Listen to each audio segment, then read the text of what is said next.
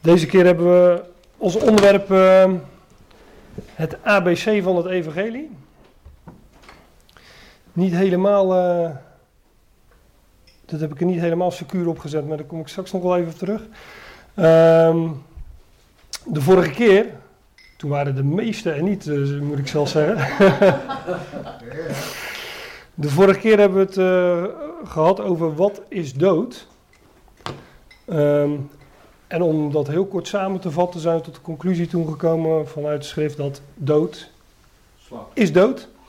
Niet de slaap? Ja, ook. Ja, ja. Maar ja, dood is dood en dat is uh, het tegenovergestelde van leven. Of je zou ook kunnen zeggen de afwezigheid van leven. Nou, jij geeft al aan, het is een, uh, het is een slaap. Ik las van de week een, uh, een bijbelverhaal voor aan, aan Fem. Dat ging over...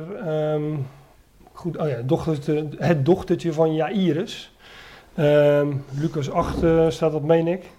En ook daar zegt uh, de Heer Jezus op een gegeven moment: ja, het meisje is niet dood, maar ze slaapt. Waarop ik natuurlijk van Fem de onvermijdelijke vraag kreeg: was ze dan niet echt dood? Ik zei: nee, ze was, wel echt dood, maar voor de levensvorst. Um, ja, is dat niet het eindstation? Kijk, dat legde ik ook aan Fem uit. Bij mensen, als je ziek bent, is er altijd nog hoop. Hè? Er is altijd hoop dat, we, uh, dat er een behandeling is. Hè? Er zijn knappe dokters die kunnen je genezen. Die, er zijn uh, knappe behandelingen. Er wordt steeds meer uitgevonden. Kijk, ik werk zelf in een uh, academisch ziekenhuis, dus ik zie op, op, op zo'n internet- en intranetpagine nog wel eens wat voorbij komen van nieuwe geneesmethoden, nieuwe behandelmethoden. Er komen steeds weer nieuwe dingen. Maar als je dood bent en houdt het voor de mens op, dan is het, dan is het wat de mens betreft echt klaar. Dan kunnen wij, kunnen wij niks meer doen. Dan zijn onze, onze armen tekort, om het zo te zeggen. Maar voor de, voor de Heer, voor God en voor de Heer Jezus is dat niet het eindstation. Sterker nog, in 1 Korinthe 15, waar we straks ook naartoe zullen gaan, is het juist uh, de basis van de boodschap. Daar, daar, begint, daar begint de boodschap die, uh, die Paulus naar voren brengt in, uh, in 1 Korinthe 15. Als het gaat over de dochtertje van, van Jairus, hè, dan, zegt, dan zegt de Heer in Lucas 8, vers 52 is dat, ja, huil maar niet, schrij maar niet, want zij, zij is niet gestorven, maar zij slaapt. Voor God, voor Jezus, hè, die de macht heeft over de dood, ja, is de dood als een slaap waarop, waaruit hij um, een mens en, uh, en, uiteindelijk ook alle mensen zal opwekken. Nou, dat is in het, uh, in het kort samengevat uh, de, de studie van de, van de vorige keer. Hè. De, de vraag die Job zich stelde in, in, Job 14 is. En dat is ook de vraag die, die wij zouden stellen met betrekking tot de dood. Zullen de doden herleven? Dat is de vraag. Nou, het antwoord is natuurlijk ja. En um, ja, dat wordt onder andere uiteengezet in, uh, in 1 Korinthe 15. Daar wil ik ook naartoe gaan. Paulus die uh, zet daar het, uh, het evangelie uiteen. Dat zegt hij ook.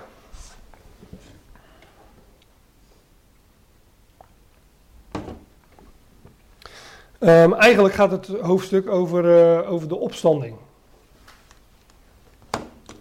Je zou dus al snel kunnen concluderen als je dat hoofdstuk leest. Hè, het evangelie, het goede bericht, is een boodschap van opstanding.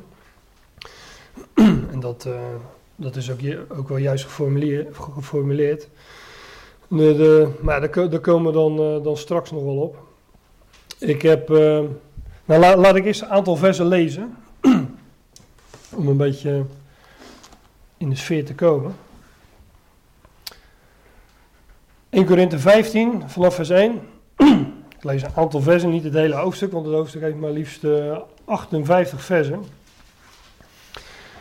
Um, is, ik was in eerste instantie ook van plan, omdat we het de vorige keer over dood. En toen kwamen we al snel op van ja, wat is nou uh, uh, het contrast van de dood? Hè? Dat is natuurlijk leven, maar ook dat, juist dat opstandingsleven, dat onvergankelijke leven.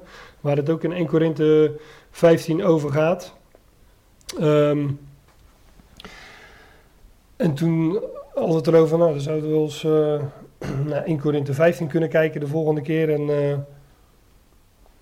ik dacht wellicht eh, kan ik dat hoofdstuk in, in een paar keer eens doornemen. Maar ik ben eigenlijk in die eerste vers een beetje blijven steken toen, ik het, toen ik het ging voorbereiden. Omdat daar zoveel in staat wat het fundament is van, eh, ja, van eigenlijk wat je zou kunnen zeggen eh, het evangelie of van de leer, de leer van eh, het christendom. Vind ik een beetje, vind ik een beetje gevoelig woord. Maar het is eigenlijk wel de, de basis, het fundament van het evangelie. En dat zegt Paulus hier zelf ook. Dus dat durf ik dan rustig zo te zeggen. Maar eerst even een paar versen lezen. Paulus zegt daar... Voorts broeders, ik maak u bekend het evangelie dat ik u verkondigd heb, het welk gij ook aangenomen hebt, in het welk gij ook staat.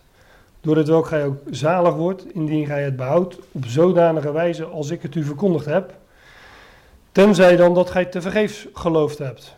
Want ik heb jullie ten eerste overgegeven, hetgeen ik ook ontvangen heb, dat Christus gestorven is voor onze zonden, na de schriften. Dat hij is begraven en dat hij is opgewekt ten derde dagen naar de schriften. En dat hij is van Kefas gezien, daarna van de twaalfen. Daarna is hij gezien van meer dan 500 broeders op eenmaal, van welke het merendeel nog over is en sommigen ook zijn ontslapen. Daarna is hij gezien van Jacobus, daarna van al de apostelen en ten laatste van allen is hij ook van mij, als van een ontijdig geborene gezien.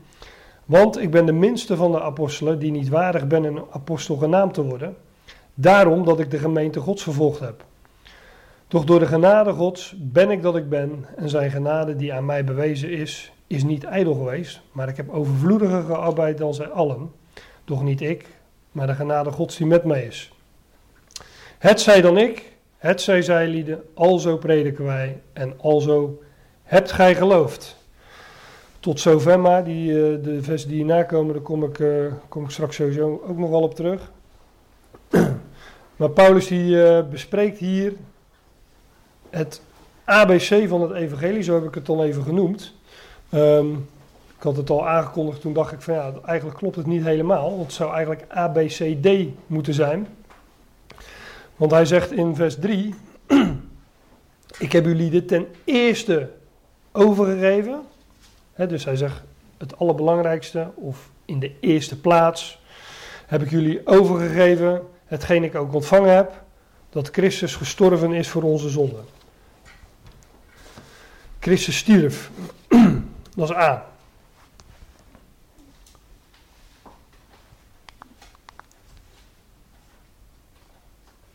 En dat hij is begraven. Dus Christus werd begraven. Dat is B in de opsomming.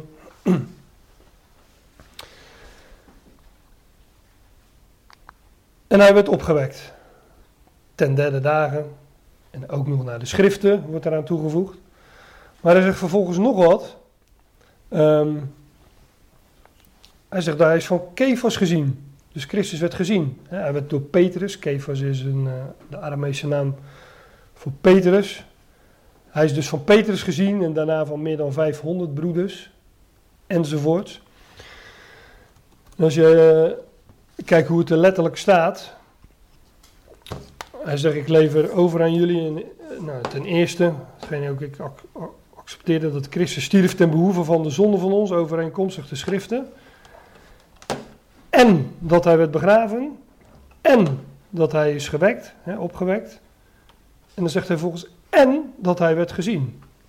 Dus je zou dat toch wel met recht een, eh, het ABCD van het evangelie kunnen noemen.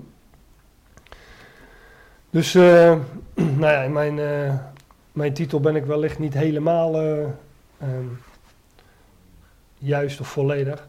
Maar we voelen allemaal wel aan natuurlijk dat, dat D, eh, puntje D zeg maar, hè, in de opsomming, Christus werd gezien, dat hij toch wel een beetje los staat van die ABC. Het ABC is dat wat aan Christus ehm, gebeurde of aan hem, aan hem geschiedde. Hoe zeg je dat precies? En vanaf, eh, en daarna gaat het natuurlijk dat Christus werd gezien eh, door anderen. Hij stierf, hij werd begraven, hij werd opgewekt. En hij, hij werd gezien door anderen. nou, dat zou je dus het ABC of het ABCD van het evangelie kunnen noemen. Dat wil dus zeggen dat ehm, ehm, ja, de opstanding, dat is en dat behoort ook tot het, eh, tot het goede bericht. Dat zegt Paulus ook. Dan lees ik even verder in de versen die ik uh, zojuist niet meer gelezen heb. En dat is vanaf, um, vanaf, ik was gebleven in vers 11. Maar ik volg gewoon even de, de opsomming in uh, de, de, de versen in vers, vers 12. Daar staat, indien nu Christus gepredikt wordt, dat hij uit de doden opgewekt is. Hoe zeggen sommigen onder u dat er geen opstanding der doden is? Kijk, dat is dus het. Uh, dat is dus de kern van. Uh, nou, dit is, laat ik het zo zeggen, dat is de reden waarom Paulus dit hoofdstuk schreef. Er waren sommigen onder de Corinthiërs die zeiden: Er is geen opstanding van doden. Nou, zegt Paulus, vers 13. Indien, als er geen opstanding van doden is, dan is ook Christus niet opgewekt. als doden überhaupt niet opgewekt worden, is Christus ook niet opgewekt. Het is eigenlijk een hele logische, bijna op kinderlijk niveau hoe Paulus hier uh, redeneert, want hij gaat verder. Als Christus niet opgewekt is, dan is onze prediking ijdel. dan is wat wij verkondigd hebben, wat wij geproclameerd hebben, wat Paulus in het midden van die Corinthiërs geproclameerd had, de opstanding van Christus, ja, het is dan een lege boodschap, zinloos. En dan zegt hij ook, ijdel is uw geloof. Dus wanneer wij geen opstanding kennen, hè, zoals die sommigen onder de Corinthiërs beweerden, dan is je geloof leeg, is je geloof zinloos.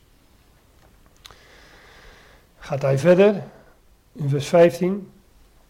En zo worden wij ook bevonden, valse getuigen Gods. Dan heeft Paulus een leugenaar, zegt hij. Want wij hebben van God getuigd dat hij Christus opgewekt heeft. en als, dat, als, als er geen opstanding van doden zou zijn, zoals sommige van die Corinthiërs zeiden, ja, dan is, uh, dan is Paulus een leugenaar. Want Christus uh, is dan helemaal niet opgewekt en dan heeft God hem niet opgewekt. Nou, en zo gaat hij verder in vers 16. Want indien de doden niet opgewekt worden, zo is Christus niet opgewekt. En indien Christus niet opgewekt is, is uw geloof te vergeefs. Zo zijt gij nog in uw zonde. Oftewel, zonder opstanding is ons geloof te vergeefs, zijn wij nog in, onze zonde, ofwel mist alles doel. want dat is, dat is zonde, doel missen. En hij zegt dan ook, zo zijn dan, letterlijk staat er volgens mij, zo gingen, ja, zo gingen degenen die in Christus ontslapen zijn, verloren. Degenen die in Christus ontslapen zijn, hebben we het vorige keer overigens ook over gehad. Hè? Wij zijn niet bedroefd zoals degenen die geen hoop hebben. En dan vervolgt Paulus van dat de doden in Christus eerst opgewekt zullen worden en daarna de levend overblijvenden tezamen met die doden de Heer tegemoet zullen gaan in de lucht. Hier zegt hij, als Christus niet is opgewekt, is jullie geloof te vergeefs, zijn jullie nog in jullie zonde.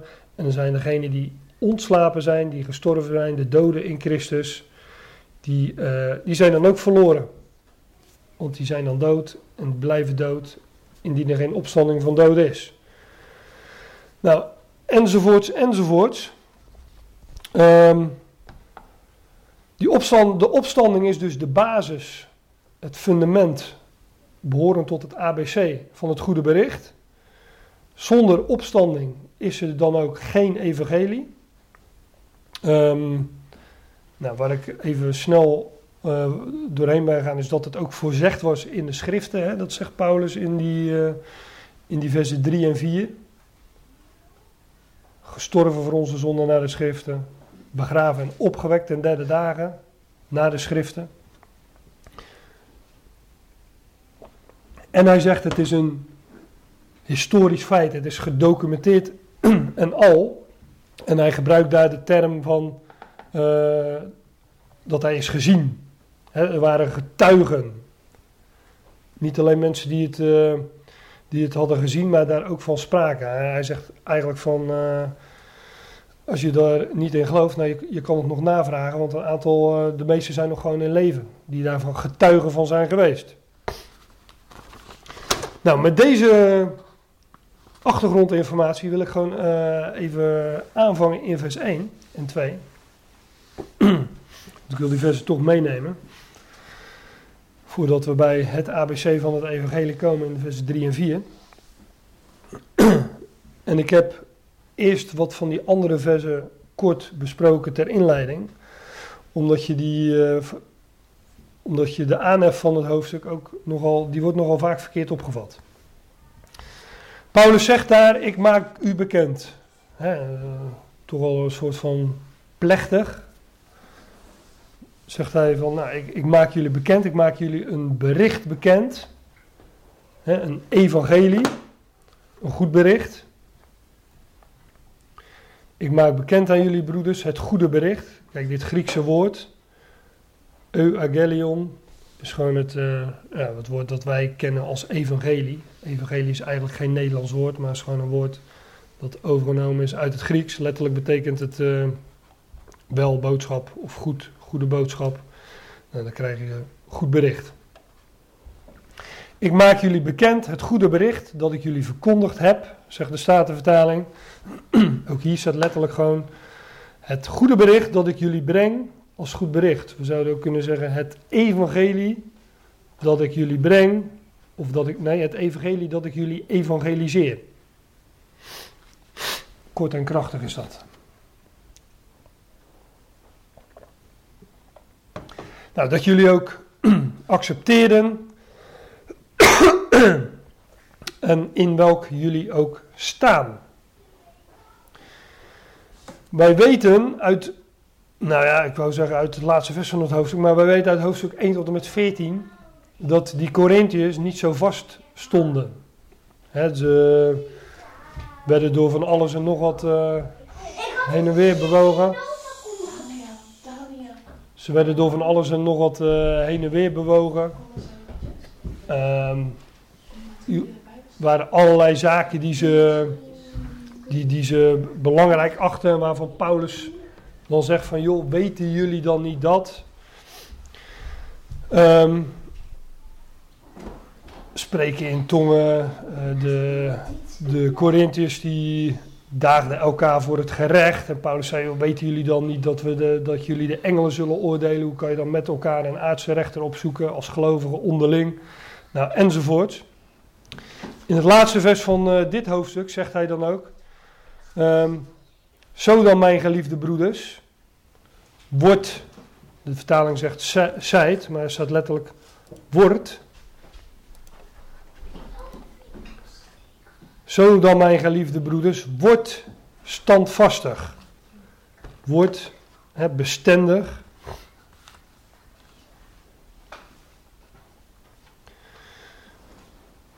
Ze lieten zich dus, ze stonden wel, ze, hadden, ze kenden die boodschap van het evangelie, ze hadden die ooit geaccepteerd en ontvangen, maar ze stonden daarin niet erg vast. Ze stonden daarin niet onbewegelijk. En Paulus zegt in vers 58, concluderend naar aanleiding van alles wat hij hier naar voren brengt over opstanding, wordt standvastig.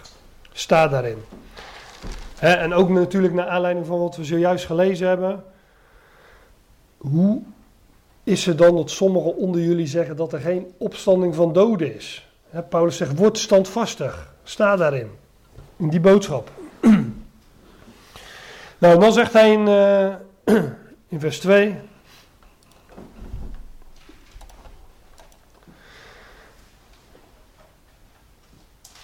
Hij maakt bekend het evangelie, het goede bericht dat hij evangeliseert, het welk hij verkondigd heeft, dat gij ook aangenomen hebt, in het welk gij ook staat, door het welk gij ook zalig wordt, hè, door het, waardoor jullie ook gered worden, indien gij het behoudt op zodanige wijze als ik het u verkondigd heb, tenzij dan dat gij tevergeefs uh, geloofd hebt. Nou, sommigen concluderen hieruit dat Paulus um, um, ja, dat Paulus bang was dat, dat, je, van je, dat je van geloof af kon vallen, bijvoorbeeld. Hè, of uh, uh, de zogenaamde afval der heiligen. Maar dat zegt hij niet. Paulus zegt, joh, Paulus zegt, door het welk gij ook gered wordt, indien gij het behoudt, als jullie het vasthouden, op zodanige wijze als ik het jullie geëvangeliseerd heb. Fem, Fem, ga eens even gewoon naar boven en ga even op je kamer zitten. Ja? Even luisteren. Paulus zegt van de, de boodschap van redding, de boodschap van redding, die is in het evangelie dat ik jullie verkondigd heb, namelijk in dat evangelie, zoals hij dat naar voren gebracht heeft, dat Christus is gestorven, dat hij is begraven en dat hij is opgewekt in de dagen. En zoals Paulus naar voren bracht, hè, hoe zeggen dan sommigen onder jullie dat er geen opstanding van doden is? Ja, in dat bericht dat er geen opstanding van doden is, daarin is geen redding. Want dan geloof je te vergeefs, dan ben je nog in je zonde. En dan zijn degenen die in Christus uh, ontslapen zijn, ja, die zijn dan ook verloren. Dus dat brengt Paulus hier naar voren. En daarom heb ik ook eerst die, uh, um, die versen wat verderop in het hoofdstuk gelezen heb. Door dat goede bericht, dat goede bericht is een uh, evangelie van redding. En buiten dat bericht, buiten de opstanding, is er geen redding.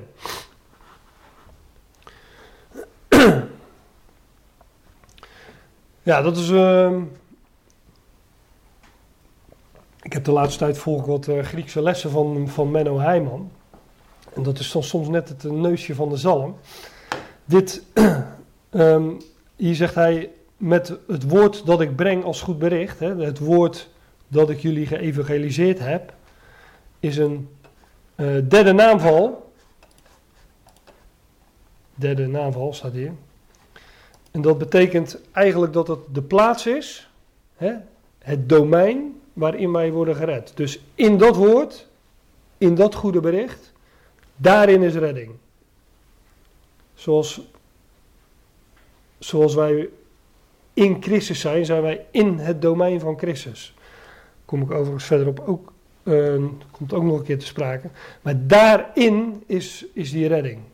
Daarbuiten dus niet. En als de Corinthiërs dan zeggen, hoe zeggen sommigen, als Paulus dan tegen die Corinthiërs zegt van ja, sommigen onder jullie zeggen dat er geen opstanding is. Ja, daarin is dus geen redding. Wanneer je de, het evangelie ontdoet van de opstanding, dan is er dus een lege boodschap. nou, dan komen we dus bij dat ABC van het evangelie. En dan zegt Paulus, ik heb u lieden ten eerste overgegeven. ten eerste.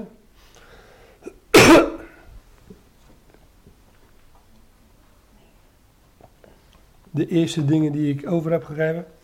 Dat is overigens ook wel mooi. Hè? Dat is de boodschap van Paulus, de apostel van de natieën.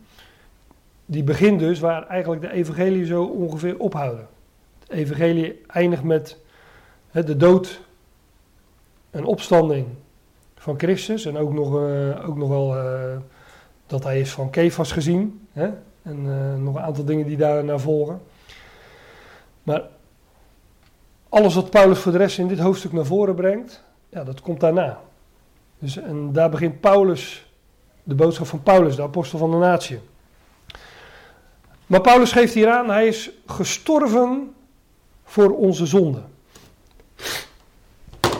Ik ben een beetje verkouden, mensen, dus. Uh... Niet te horen.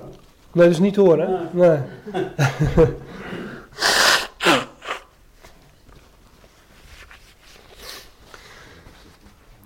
nee, ik probeer het te verbergen, maar uh, dat lukt niet helemaal. Nee. Gestorven voor onze zonde. Ik weet niet, ik ga jullie ook niet op de proef stellen, maar ik weet niet wat, wat jullie daarvoor idee bij hebben. Gestorven voor onze zonde. Ik heb eens wat zitten kijken op, uh, op internet gisteren. Van wat men daar zoal voor ideeën bij heeft. Dus een lang verhaal. Maar ik lees het even voor. God wilde wel verder met deze wereld. Maar hij wilde ook dat de mensheid gestraft zou worden voor de opstand tegen hem.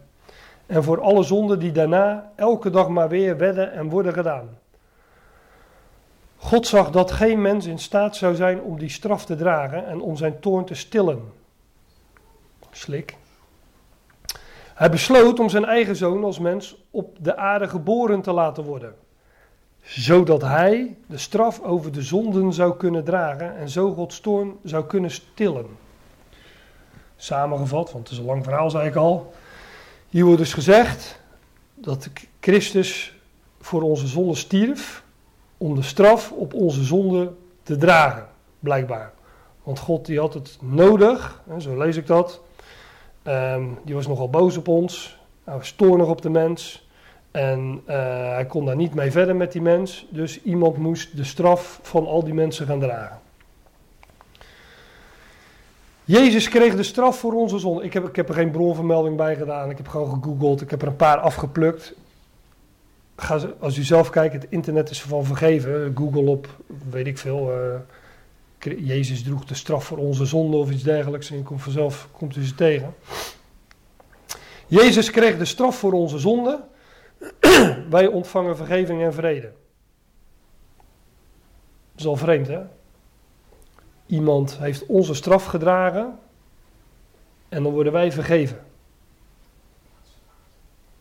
Mijn vader die uh, weet dat ik 100 euro schuld heb bij Inge. Dus hij zegt tegen Inge, kijk eens, hier heb je 100 euro. En dan komt Inge naar mij toe en zegt, Gerrit, ik, heb, uh, ik scheld het je kwijt. Ja, dat is wartaal. Dat kan niet dus als iemand nou die straf gedragen heeft, hoezo is dan, dan betekent dat begrip vergeving eigenlijk al helemaal niets meer. Toch? Jezus kreeg de straf voor onze zonde, wij ontvangen vergeving en vrede. Dit was een, een uh, vraag met antwoord. Wie heeft God gezonden om in onze plaats de straf voor onze zonde te dragen? De Heer Jezus. Dat dan het antwoord, hè? de Heer Jezus. Ik heb er geloof ik nog één. Ja, dit was een vraag van een, uh, een vrouw. Uh, mijn man en ik geloven dat God aan Christus de zonde van zijn kinderen gestraft heeft. En dat allen die in hem geborgen zijn, niet zelf de straf hoeven te dragen, maar dat Christus in hun plaats is gegaan. Nou, dat, wordt, dat plaatsvervangen hoorde ik net ook al iemand uh, zeggen. enzovoort, enzovoort. Want ik, heb, ik had er ook nog standaardwerk als de catechismus bij eh, kunnen halen. Of uh, hoe heet dat uh, van Calvijn? De, de institutie, inderdaad. Daar, uh, nou, dat, dat, daar staat het ook uitgebreid in, hè, de, deze gedachte. God was toornig op de mensheid. Eigenlijk moest hij de mens straffen. Maar Jezus kwam om de schuld en de straf van alle mensen te dragen nou, dat is ook niet helemaal waar natuurlijk, volgens Calvijn. En, uh, um, nou ja, volgens, volgens 99,999% van degenen die dat voorstaan. Want het is dan ook nog eens alleen voor degenen die daar, uh, die er amen op zeggen en die dat geloven.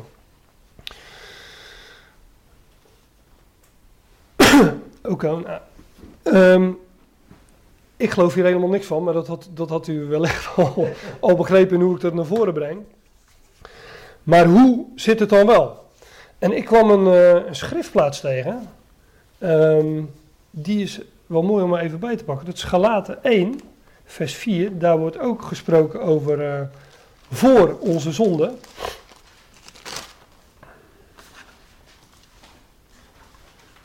Niemand werpt toch de eerste steen? Hm? Niemand werpt toch de eerste steen? Nee. Wat wil je daarmee zeggen? Nee, er is niemand zonder zonde. Nee. Um, in Galaten 1 vers 3 gaat het over de, onze Heere Jezus Christus. En dan zegt vers 4, ik lees eerst even vooruit de Statenvertaling, die zichzelf gegeven heeft voor onze zonde, opdat hij ons trekken zou uit deze tegenwoordige boze wereld naar de wil van onze God en Vader. Je zou hier, als je dit zo letterlijk in de Statenvertaling leest, kunnen denken van, oh, dat gaat over het kruis. dat hij zichzelf gegeven heeft voor onze zonde, maar dat staat er niet. Daarom heb ik de interlineaire even bijgepakt. Er staat degene of die zichzelf geeft of gevende. Dat is een TT, een tegenwoordige tijd. Dat wil zeggen dat de Heer Jezus Christus, onze Heer Jezus Christus uit vers 3, zichzelf nu geeft voor onze zonde. Wat dat betekent, oké, maar staat hier dat hij zich nu geeft om de straf op onze zonde te dragen of iets dergelijks, zoals men uh, vaak in 1 Korinthe 15 vers uh, eh, 3 leest. Nee, hier staat dat hij zich nu geeft, overgeeft wellicht, voor onze zonde. Waarom? Opdat hij ons niet trekken zou, maar opdat hij, dat hij ons zal uittillen, ook in tegenwoordige tijd. Dat doet hij nu en dat is hij nu aan het doen, om het zo te zeggen. Hij geeft zich voor onze zonde, opdat hij ons uittilt uit deze tegenwoordige boze aion. En wat in de Statenvertaling is vertaald met wereld. Maar hij geeft zich nu, hij geeft zich voor onze zonde, opdat hij ons uittilt uit deze tegenwoordige boze aion. Deze wereld ligt in de macht van de God van deze aion. De tijdperk waarin wij leven is een uh, boze aion. Nou, dat, uh, dat hoef ik u vast niet te vertellen. En hij tilt ons daaruit. Zodat wij daar geen, ja, geen onderdeel meer van zijn. Zodat wij daar, boven van, zodat wij daar uitgetild worden. Dat is het werk wat hij nu doet.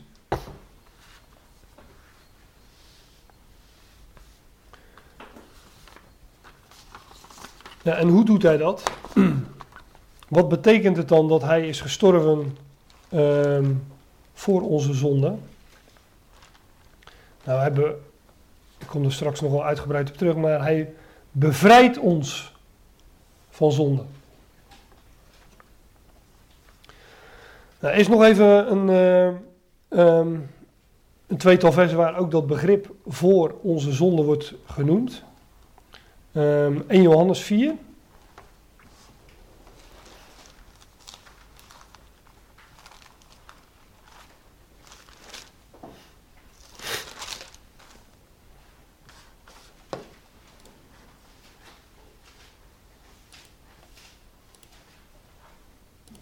En Johannes 4 vers 10.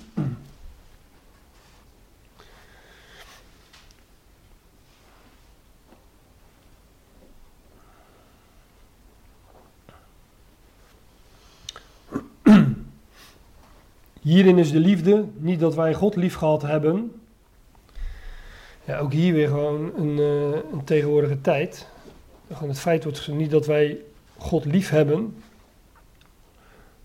Als u vertalingen beziet, die zijn echt vergeven van de, hoe, noem je dat, voltooid verleden tijd, voltooid verleden tijden. Um, staat dan vaak in een, in een aorist of gewoon in een tegenwoordige tijd. Dat betekent dat het is een tegenwoordige tijd of een aorist, is gewoon dat het feit gesteld wordt. Um, nou, hier is dat ook zo. Hierin is de liefde niet dat wij God lief hebben, maar dat Hij ons.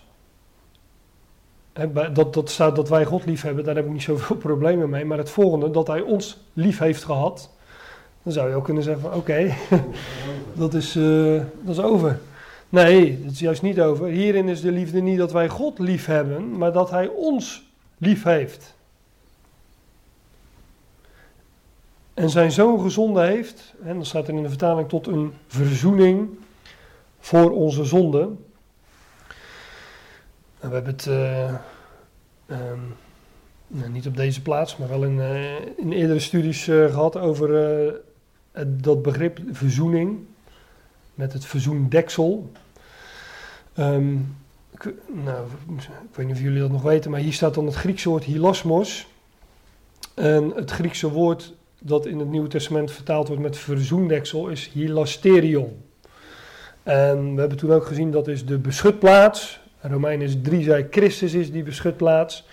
En hier wordt gesproken van um, um, de beschutting.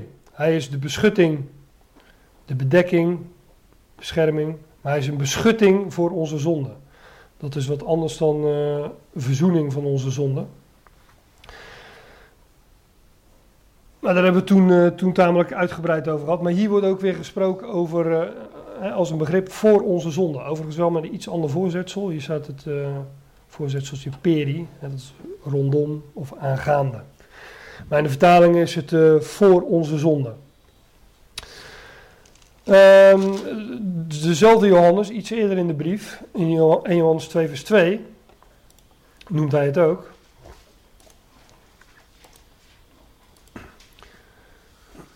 Daar zegt hij, hij is een beschutting.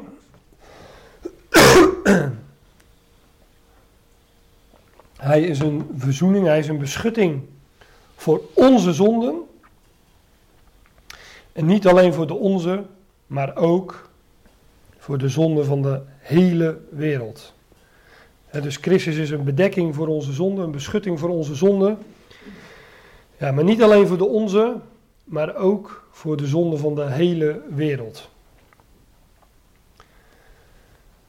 Nou, dat zijn zo ongeveer de, de schriftplaatsen waar gesproken wordt over uh, voor onze zonde of gestorven voor onze zonde. Er zijn er nogal een aantal die uh, met een iets andere, uh, waarin het iets anders geformuleerd wordt. maar nergens lees je dat Christus stierf om de straf op onze zonde te dragen. In ieder geval niet in deze teksten. Nou, en ik geloof ook dat het echt nergens in de schrift staat dat Christus de straf op onze zonde droeg. Maar waarom stierf Christus dan voor onze zonde? want daar hadden we het over in, uh, in 1 Korinthe 15. Wat betekent het dat Christus stierf voor onze zonde? Nou, heel simpel, maar dan ga ik, tenminste, dat, ik wil het nog even ik ga dat niet ophangen als een soort cliffhanger, maar ik wil, ik, ga, ik wil na de pauze uitgebreid wat schriftplaatsen over laten zien. Waarom stierf Christus voor onze zonde? Wat betekent dat? Christus verlost ons niet van de straf op de zonde, maar hij verlost, hij bevrijdt ons van de zonde zelf. Wij worden, wij zijn van zonde bevrijd. Dat is de betekenis van dat Christus stierf voor onze zonde. Wij worden, wij zijn van zonde bevrijd. Hij geeft ons namelijk een nieuw leven. En dat oude, dat is achter ons, dat is voorbij. Uh, over, klaar, we zijn een nieuwe mens. En in die nieuwe mens zijn wij in Christus volmaakt, bevrijd van zonde. En als u zegt ja maar, zeg ik nee, dat is de boodschap van de schrift. Gaan we na de pauze over verder. Ja, waarom uh, stierf Christus voor onze zonde? Wat betekent dat? Voor de pauze was eigenlijk alleen nog maar inleiding. Um, nou, ik gaf wel, uh, ik gaf wel even aan. Christus verlost ons niet van, uh, van de straf op de zonde of zo. Hè, alsof God ons. Um, als God, alsof God een, een bliksemafleider nodig had en ons daardoor zou kunnen vergeven. Um, nee, wij, wij worden van de zonde zelf, worden wij bevrijd. En dat uh, zegt de schrift ook uh, gewoon, om het even zo te zeggen. Efeze 1, vers 7. Daar wordt dat door, uh, door Paulus ook gezegd. Valt in eerste instantie wellicht niet zo op als we alleen de vertaling bezien. Paulus gebruikt het begrip vergeving maar slechts twee keer in zijn brieven. En ehm, als we daar wat nader op inzoomen, dan, uh, ja, dan is het begrip wat, hij, wat daar vertaald wordt met vergeving, is eigenlijk nog wel uh, nog veel breder. Dus je zou ook kunnen zeggen dat hij het helemaal niet gebruikt in, uh, in zijn brieven. Maar in Efeze 1 vers 7 dit vers lees ik eh, even alleen uh, zonder daar al te veel commentaar op te geven. En dan ga ik naar de tweede schriftplaats waar Paulus uh, de term ook gebruikt. Hier staat in ieder geval in, vers, in Efeze 1 vers 7, daar gaat het over de geliefde hè, in vers 6. Dat is natuurlijk Christus, de Zoon. De geliefde in welke wij hebben de verlossing door zijn bloed En wat is dat dan? Namelijk de vergeving der misdaden, naar of overeenkomstig de rijkdom zijner genade. Dus in hem hebben wij de verlossing door zijn bloed. En dat is, wat is dat die verlossing? De vergeving, kom ik straks op terug dat woord, de vergeving der misdaden naar de rijkdom zijner genade. Um, dan ga ik naar uh, Colossense 1. Dat is dan die tweede schriftplaats. Waar Paulus daarvan spreekt.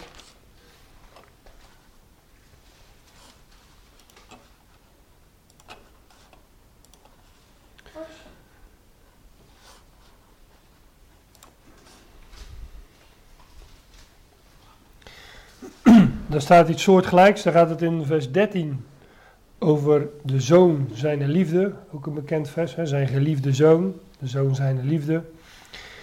In de welke, of in wie, wij hebben de verlossing door zijn bloed. Namelijk de vergeving der zonde.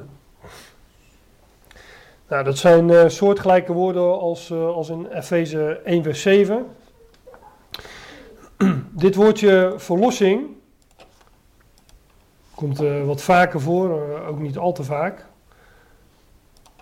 Um, maar dus in Efeze 1 vers 7 en in Colossense 1 vers 14 onder andere.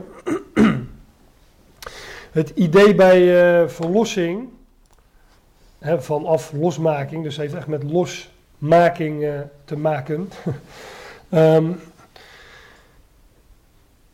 het idee van verlossing in de schrift is dat iemand losgekocht wordt. Bijvoorbeeld een slaaf. Een slaaf die werd losgekocht, daar werd los geld voor betaald. Um, dus het is ook wel loskoping. Wij kennen dat begrip losgeld kennen we nog wel, maar dan in het, uh, in het criminele circuit. Maar dan, het is in principe hetzelfde idee. Iemand wordt vastgehouden ergens door of door iemand. En er wordt losgeld betaald om die ander los te kopen en te bevrijden. Nou, dit, dat, is, dat, dat is dit begrip uh, ook, hè, verlossing of loskoping. Wat is die verlossing die wij hebben door zijn bloed? Nou, dat is de vergeving van zonden, staat hier. Wij hebben dus uh, in hem hebben we de, de vrijkoping, de loskoping. Zoals een slaaf wordt losgekocht en die slaaf die is dan vrij of bevrijd. Nou, de schrift zegt natuurlijk ook dat wij slaven waren hè, van de zonde. Wij werden daardoor uh, door vastgehouden. Maar wij, hebben in hem de verlossing, ook van die zonde. Namelijk, zegt Paulus hier, de bevrijding van de zonde, de vergeving van zonde. Um, ja, dat komt straks even op dat woord uh, vergeving. Maar het is dus wel zo dat Christus een prijs betaalde. Maar niet, niet aan God. Dat lees je nergens in de schrift. Er werd een, uh, je zou kunnen zeggen dat er een prijs betaald werd aan de, uh, aan de dood. Christus stierf, dat was de prijs die hij betaalde. Dat is de hoogste prijs die je kunt betalen volgens mij, door te, door te sterven voor iets. Dat was de prijs die hij betaalde, maar die betaalde hij niet aan, aan God, maar aan de, nou, laat ik het zeggen met de woorden van Hebreeën, aan degene die de macht van de dood had. Of de dood zelf. Maar in Hebreeën 2 is het, meen ik, vers 13, 14, daar gaat het over, eh, de, over Satan. En die wordt daar genoemd degene die de macht van de dood heeft. Maar Christus betaalde de hoogste prijs, namelijk door te sterven. En um, hij stond op en liet het graf leeg achter. En zie daar, hè, loskoping uh, en, uh, nou ja, bevrijding. Want het woordje dat hier, um, dat hier genoemd wordt in, uh, in Colossense 1 vers 14, als er gesproken wordt over in wie wij hebben de verlossing, door zijn, door zijn bloed. Ik zie hier overigens dat het door zijn bloed in de grondtekst niet bijstaat. Ik weet niet of dat met handschriften te maken heeft of met iets anders. Maar... Dat zoeken we nog een keer op. maar wij hebben de verlossing. En dan namelijk de, bevrijd, de vergeving, zegt de vertaling. En er staat hier het laten gaan van de zonden. Van aflating, laten gaan. Heeft ook weer met, eh, met loslating te maken, met bevrijding. Kijk, dit woord, afesis, of afesin, dat wordt in onze vertalingen altijd vertaald met vergeving.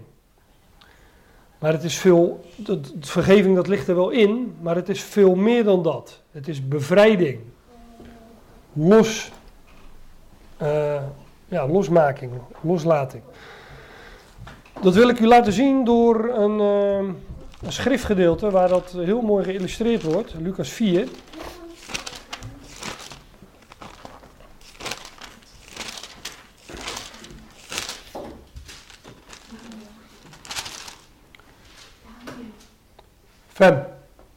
Ga eens naar boven naar je kamer. Niet op de trap gaan zitten.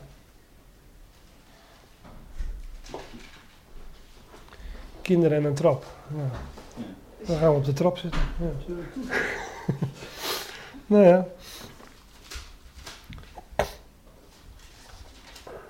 Kijk, hier in de interlineaire, ik heb op dat, uh, als ik op dit woord klik, hè, dat vertaald wordt met vergeving.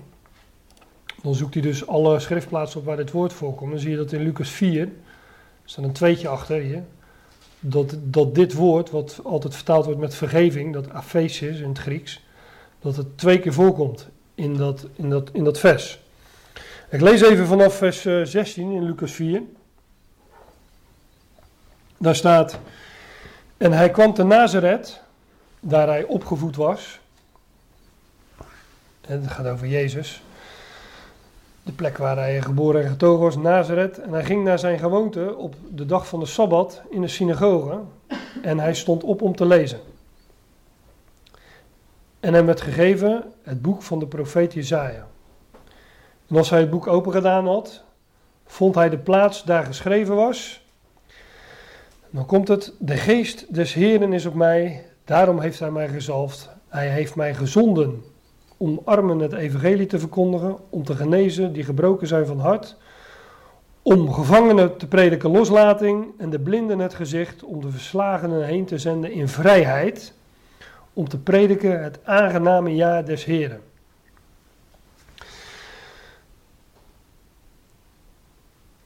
Even inzoomend op die, uh, die laatste twee versen. De Heer die, die, die, die dat had ik nog even mee moeten lezen, vers 20. Eh, die doet het boek weer dicht. Van de profeet Isaiah. En hij, zit, en, hij, uh, gaat, en hij gaat zitten. En de ogen van allen in de synagoge waren op hem geslagen. En toen zei hij: Heden is deze schrift in uw oren vervuld. Dus de, de heer zegt: Ja, deze profetie die, uh, die gaat over mij. Maar hij haalt hier aan een uh, schriftgedeelte uit, uh, uit waar staat de geest des Heren is op mij. Daarom heeft hij mij gezalfd.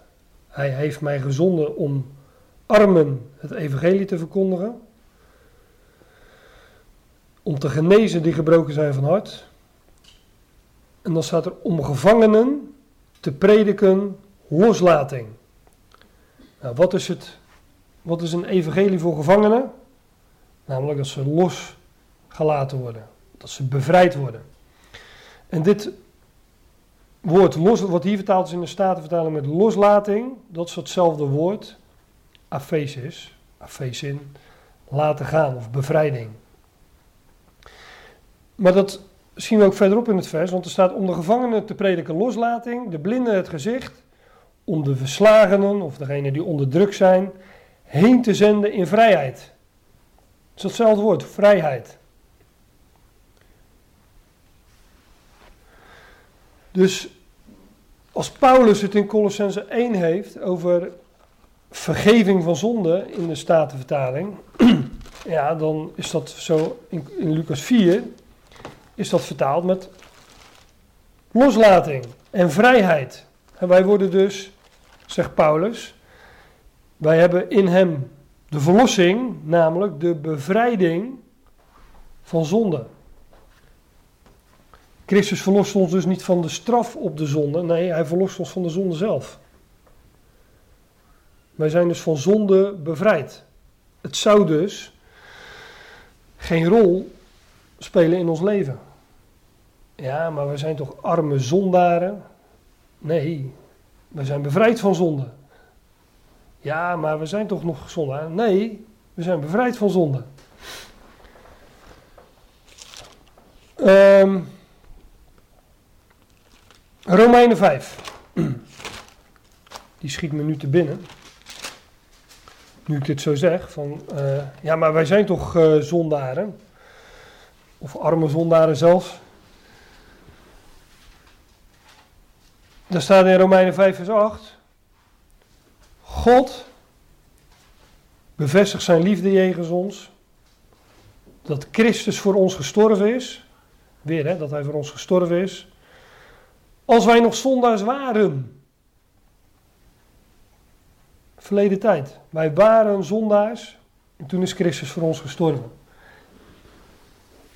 En nu geeft hij ons een nieuw leven waarin wij bevrijd zijn van zonde. Maar dat is natuurlijk wel iets wat je moet weten. daarom zegt Paulus ook zo vaak in zijn brieven: Weten jullie dan niet? Of ehm, nou, ik zit hier in Romeinen, wetende dat? Of weet gij dan niet, broeders? Dat zegt hij in, uh, ook in de Korinthebrieven. Je moet het wel weten dat je bevrijd bent van zonde. Anders heb je nog niets aan, om het maar even zo te zeggen. Doe je kunt schat hemeltje rijk zijn. Ik, uh, ik kan een staatslot hebben liggen, waar ook een grote prijs is gevallen. Um, noem maar wat, 10 miljoen, mooi bedrag.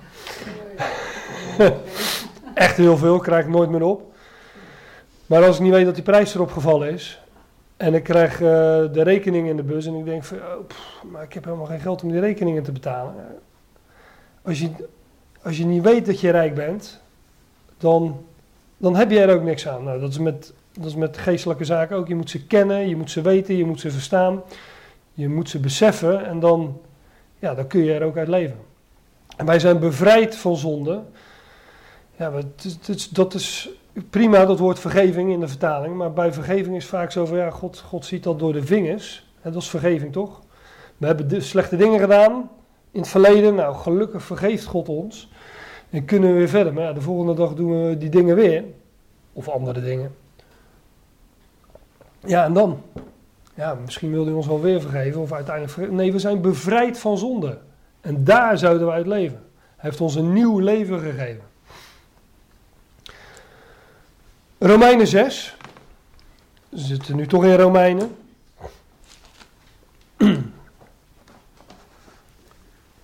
Daar wordt ook, uh, daar wordt ook gezegd dat uh, hij voor de zonde is gestorven.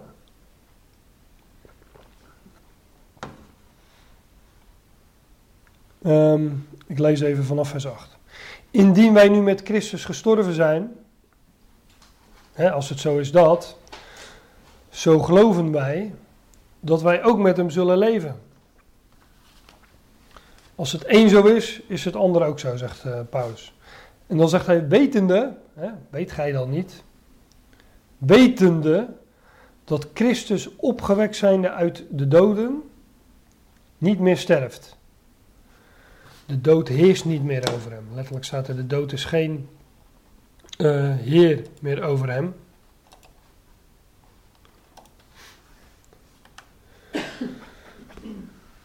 Dus hij heeft de dood achter zich met recht. Hij is de eersteling, hij heeft onvergankelijk leven ontvangen. Wetende dat Christus opgewekt zijnde uit de doden niet meer sterft. De dood heerst niet meer over hem. En dan komt het, vers 10. Want dat hij gestorven is, of dat hij stierf, dat is hij voor de zonde eenmaal gestorven. En dat hij leeft, dat leeft hij voor God. Hier ook weer, dat hij is voor de zonde is hij uh, gestorven.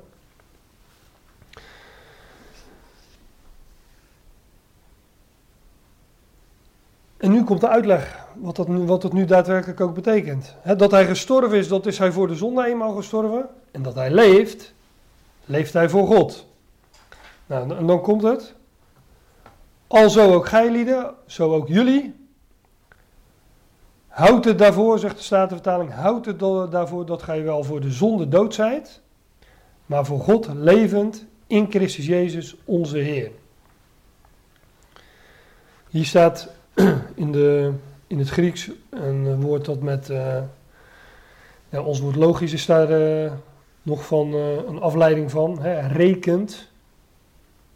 Als het een zo is, dan is het ander ook zo. Als het een zo is, dan is het logisch dat. Rekent. Ja, um, het is een kwestie van logisch redeneren, dat is het eigenlijk. Reken dat jullie voor de zonde dood zijn. Waarom is Christus uh, gestorven voor de zonde? Want dat hij gestorven is, dat hij stierf, stierf hij eenmaal voor de zonde. Nou, zodat wij dood zijn voor de zonde.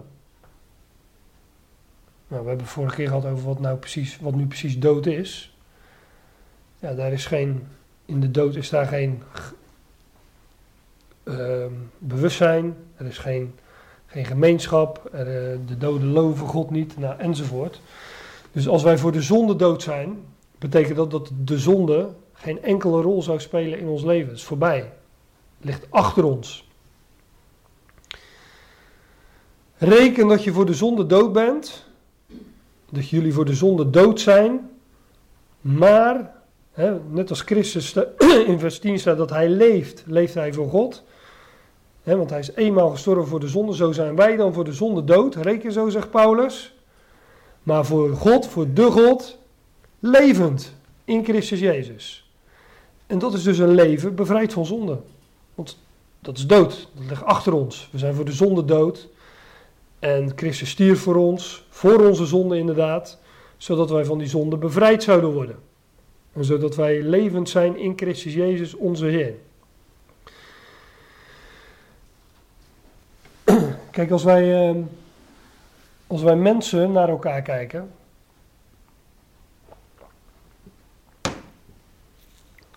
Daar hadden het zojuist even over. Hè? En, bijvoorbeeld op je werk, dan word je beoordeeld op je functioneren. dat gaat over je verleden. Wat, uh, maar ook als wij, als ik zeg, nou ik vind die Daniel een aardige gozer.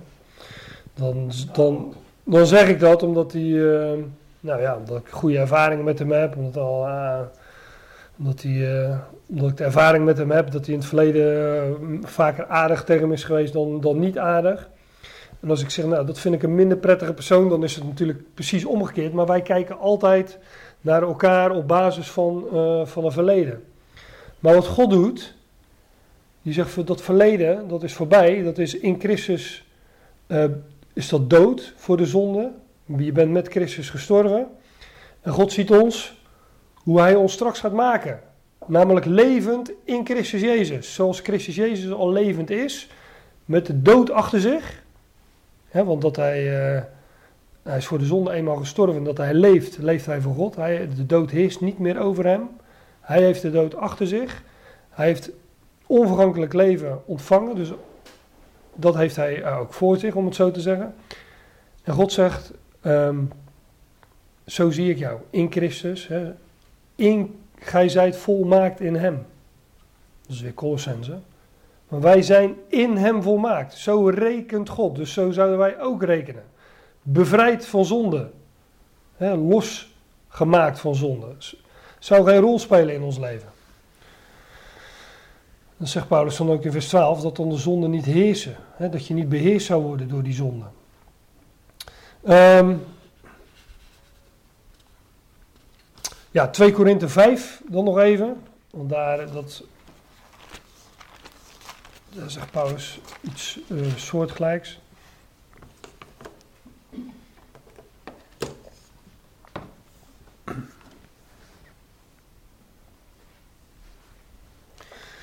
Twee Korinthe 5,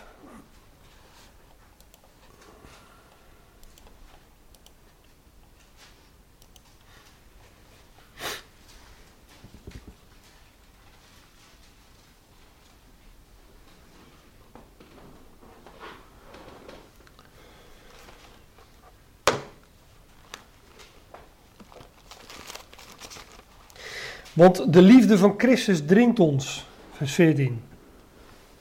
Ook mooi, hè? dat kan niet nalaten om te zeggen. De, de liefde van Christus dringt ons. Niet de liefde voor Christus. Kan ook hoor, maar het staat hier niet. De liefde van Christus dringt ons.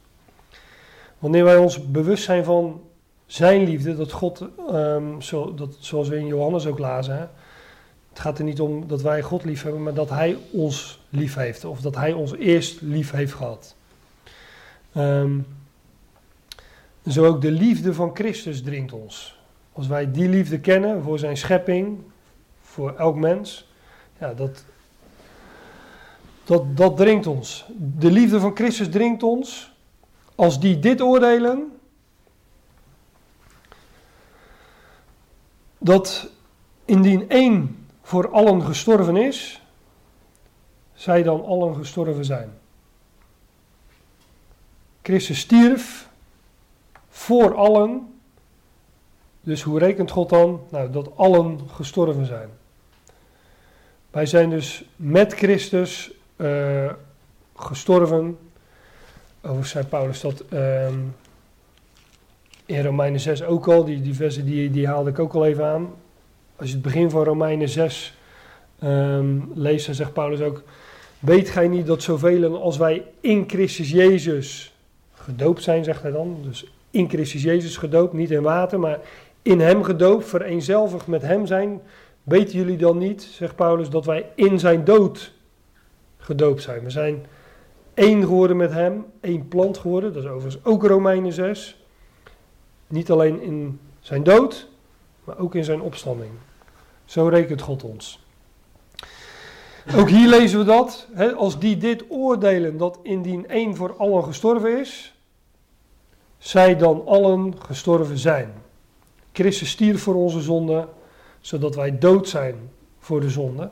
En hij is voor allen gestorven, staat er dan, opdat degenen die leven, want wij ontvangen leven van hem, een nieuw leven, opdat degenen die leven niet meer zichzelf, namelijk voor zichzelf, zouden leven, maar dien voor die die voor hen gestorven en opgewekt is. Hij bevrijdt ons van zonde. Hij is, hij is gestorven voor onze zonde om ons van onze zonden te bevrijden, zodat wij leven ontvangen, een nieuw leven ontvangen, wat bevrijd is van zonde. En zodat wij niet meer voor onszelf zouden leven, maar voor Hem. Voor Hem die gestorven is en opgewekt. En dan heb je dus echt een leven. En dan gewoon, ook gewoon relax. Het is toch heerlijk om, om, zo, om zo in het leven te mogen staan. Bevrijd van zonde. Levend voor Hem. Dan hoef je ook je eigen boontjes niet te doppen, om het zo te zeggen. Dan kun je gewoon op vertrouwen dat Hij voor je zorgt. Je hebt leven ontvangen voor Hem. Je mag voor Hem leven. Um, ja, ook over, ook over die zonde, eh, daar zouden wij niet over tobben. Daar zijn we van bevrijd. Ja, dat wordt ons natuurlijk wel van allerlei andere dingen aangepraat. Door elkaar of door onze buren of door, weet ik veel, door de, door de godsdienstige wereld. Maar de schrift zegt dat we er bevrijd van zijn. Dat we bevrijd zijn van zonde, dat we dood zijn voor de zonde, opdat we voor hem zouden leven. Nou, dan zouden daar ook, zo zouden wij rekenen. Maar niet alleen voor onszelf, maar ook naar de ander toe. Zo mogen we ook elkaar rekenen. In Christus. Tuurlijk, we zien, eh, als, ik, als ik naar jullie kijk, zie ik allemaal zondaren. Nee, zo zouden niet naar elkaar kijken. We, zijn, we zijn allemaal in Hem, bevrijd van zonde. We zijn in Christus. En Hij is voor, voor mij gestorven, maar ook voor die anderen. En daarom zijn we dood voor de zonde. Levend voor God in Christus Jezus. Um, ik heb nog wat tijd over, zie ik. ik wil nog even naar 1 Timotheus 2.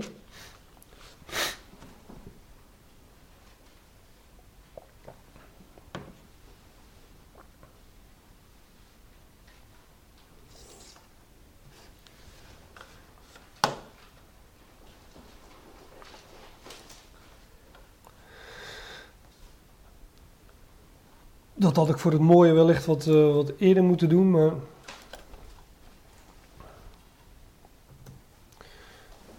Daar gaat het namelijk wel over een, uh, een prijs die betaald is. Ik haalde dat al even aan dat Christus wel degelijk, eh, dat er wel degelijk in de schrift geleerd wordt dat er een prijs betaald is. Maar niet een, ehm, een prijs aan God om, of, om de, de, de straf op onze zonde, dat daar een prijs voor is betaald. Maar er is wel degelijk een prijs betaald. Ehm, voor het verband lees ik vers 5 even mee. Er is één God. Er is ook één middelaar van God en mensen. De mens, Christus Jezus. Eigenlijk is, dat, is die eerste zin is eigenlijk al het evangelie in een paar woorden. Er is één God. Er is één God die alles in zijn hand heeft. Die alles plaatst. Die met alles een doel heeft die ook zijn schepping lief heeft. Hè. Eh, God is liefde, zegt Johannes. Nou, daar zou je eigenlijk al genoeg aan hebben. Dat er, met die wetenschap. Er zijn ook maar weinigen die dat weten. Dat er één God is die alles in zijn hand heeft. Maar er is, er is één God. En er is ook één middelaar van God en mensen. De mens Christus Jezus. Die zichzelf gegeven heeft sterker nog, die geeft, gevende zichzelf, ook hier weer zo'n uh, tegenwoordige tijd, tot een los uh, rantsoen, zegt de Statenvertaling, een rantsoen voor allen. Ja, hier staat dus uh, ook een, een, woord voor losprijs, overeengekomen loskoopsom. Maar hij is dus, hij heeft dus de losprijs betaald en die heeft hij betaald voor allen. En daardoor zullen ook allen uh, verlost worden. En nogmaals, die prijs die hij betaalde, dus inderdaad dat hij stierf, dat was de hoogste prijs die hij kon betalen. Hij gaf zijn leven, hij stierf en God wekte hem daardoor, daarvoor, of daardoor op uit de doden. en in hem zijn allen gestorven. Hij betaalde de losprijs voor, uh, voor allen. De mens de mens werd gevangen gehouden door de dood. En om die dood te overwinnen moest hij opstaan uit de dood. Dus de prijs die hij betaalde, dat was zijn sterven. Christus stierf, betaalde de prijs en dat deed hij om ons te bevrijden van zonde. Zodat wij nu dood zijn voor de zonde en levend voor, voor God, voor Hem in Christus Jezus. Nou, ik wil het voor nu uh, hier maar bij laten. Um, over dit onderwerp valt nog wel uh, heel wat meer te zeggen. Um, je zou bijvoorbeeld een hele uiteenzetting kunnen geven van uh, schriftplaatsen die zeggen van waarom Christus nu precies moest sterven. Er zijn nogal wat, wat verschillende antwoorden op te geven vanuit schrift. Dat hij de dood moest overwinnen, dat hij de dood niet zou doen. Ehm, maar ook dat hij te dood was veroordeeld. Hè. Waarom moest Christus sterven? Ja, hij was te dood veroordeeld. Dat zijn allemaal van die antwoorden die, die de schrift ook uh, ook zelf geeft. Maar nergens lees je in ieder geval dat hij moest sterven om de straf op onze zonde te dragen of om een schuld te betalen aan God, waardoor Gods toorn gestild werd. Dat lees je in alle, ik chargeer even, in alle theologische werken en uh, wat dan ook, maar je leest het niet in de schrift. En als u denkt het wel ergens te lezen, dan hoor ik dat graag. En dan hebben we een onderwerp voor de volgende keer. maar voor nu laat ik het hierbij.